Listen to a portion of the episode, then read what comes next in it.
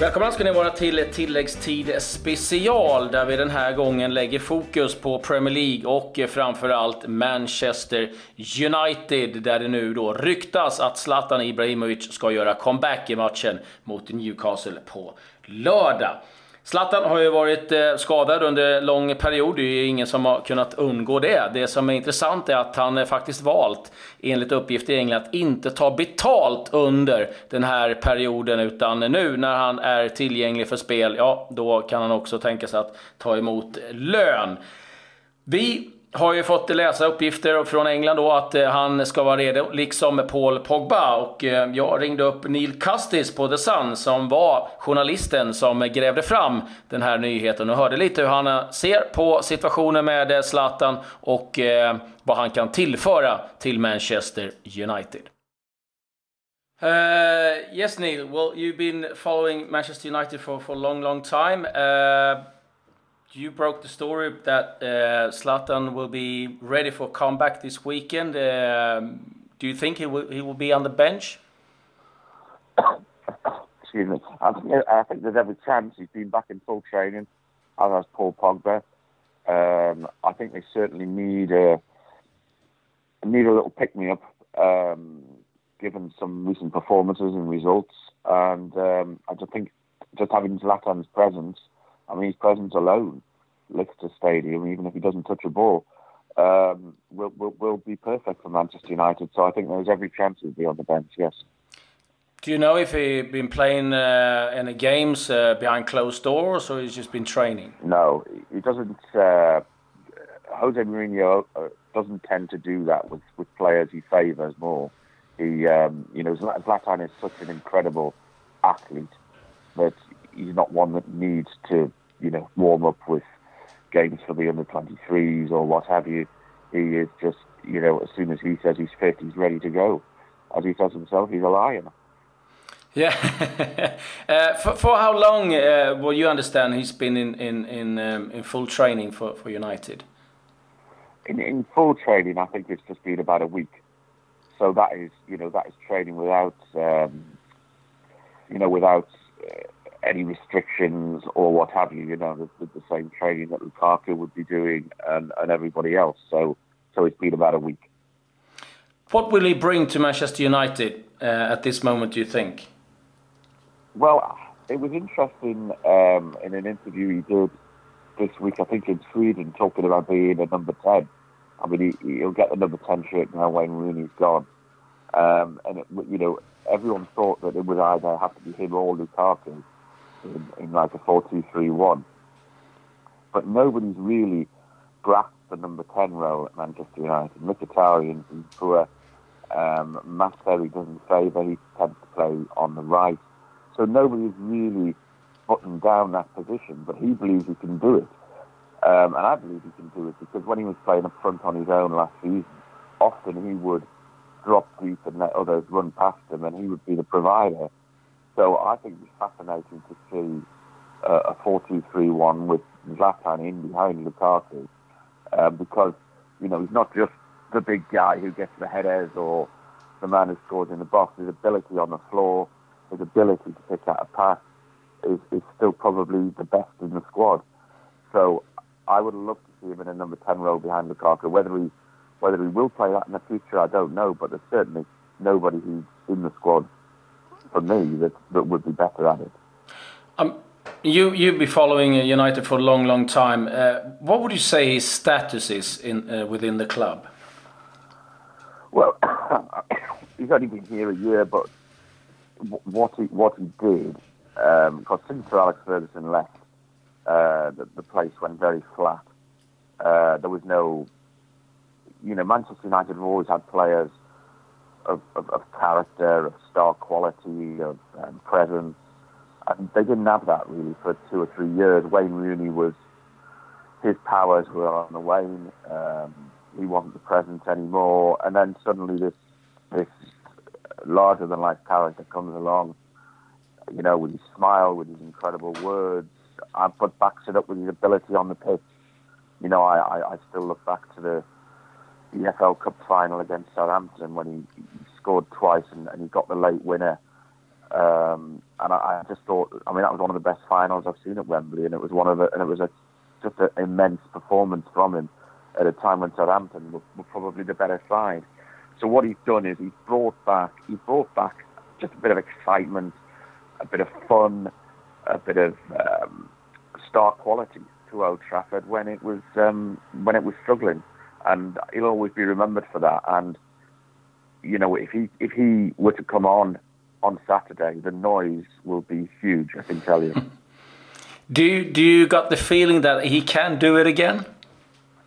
Oh, definitely, definitely. I mean, this is uh, you know this is an incredible again an incredible athlete, and um, you know, I mean, he himself was going on about how everyone had doubted whether he would do it last season. I, I don't know anyone who had actually doubted him. So who who he was listening to, I don't know, but um, but he but he did it, and he did it very well. And I've no doubt he can he can do it again and again. He's a, he's a, he's a phenomenon. Uh, you got another Swede there uh, within the squad, uh, Lindelöf. Um, he did two good games for, for the Swedish national team. How important do you think it, that was for him to come back with a bit of confidence again? Well, yeah, I mean, he needed it because he's been poor for Manchester United on the occasions he has played. Um, you know, but you know, not every not every player who comes to United hits the ground running in the way Zlatan did. You know, I, I, Patrice Evra uh, looked shaky at the start, as did Nemanja Vidic, and they turned out to be, you know, legends for the club defensively. Um, uh, you know, I wish I wish the club still had Evra. Um, but Lindelof has Lindelof has been poor and he and he struggled and he and he's but you know with with with Jones injured yet again, Rojo just coming back. Um, you know the opportunity is there for him. Um, but, but you know Bailly's first choice um, as centre half, and I think Jones probably second. But Mourinho does have a huge faith in Lindelof, and you know the player I saw, you know, midweek in the Aviva. Um, uh, no, sorry, not in the Aviva. Um, the player I saw in, in international duty midweek um, was a very different player to the one that we've seen um, from Manchester United. So hopefully he can translate that back to, to his club form you, you're quite certain that there will be quite a lot of patience from Mourinho and the club. Yeah. Yes, yes, yes. You don't spend that much around on a player, and you know, and Mourinho himself has said that. I mean, he feels that he, he is he is what potentially one of the best, and um, he'll handle them right. You know, the, the, the, we Manchester United have a superb manager, a superb manager of players uh, to get the best out of them, um, and uh, he'll get it right with him. Finally, what do you think about the, the title race? Some people have been riding Manchester United off and uh, basically handed over to Manchester City, the local rival. What's your opinion?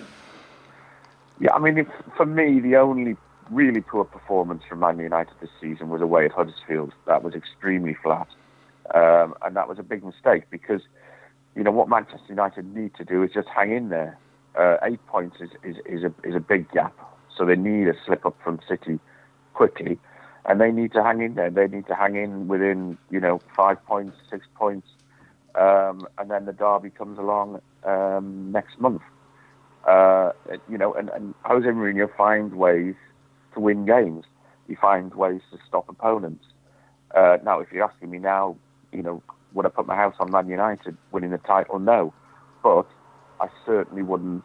Um, I certainly wouldn't write them off because um, Paul Pogba's coming back, huge, huge player for Man United.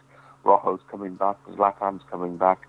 You know they're going to have a they're going to have a powerful squad again. And um, but the problem is that you know this Man City team. The, the problems they had last season were with the goalkeeper who spread nervousness through the defence. They've got a good goalkeeper now. The defence is confident and the rest of the team just go on and do it. So, you know, Man City are going to have to lose three games. Right now, I can't see them losing one.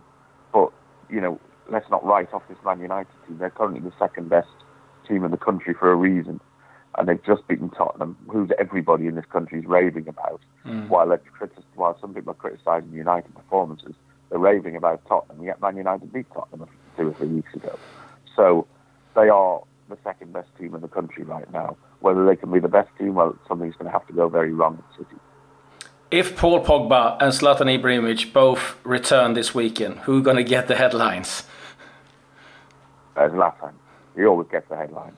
Win, lose or draw. The lion always roars. Thank you very much Neil. Okay.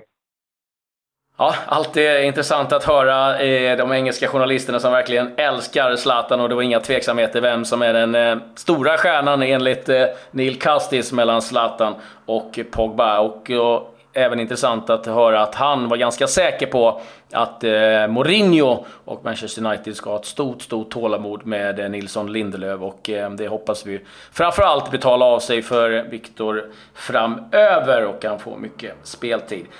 Lördag drar Premier League igång. Det är ju Arsenal mot eh, Tottenham, men eh, också då Manchester United mot Newcastle. Och då får vi se om Zlatan gjorde comeback eller inte. Adjö, adjö.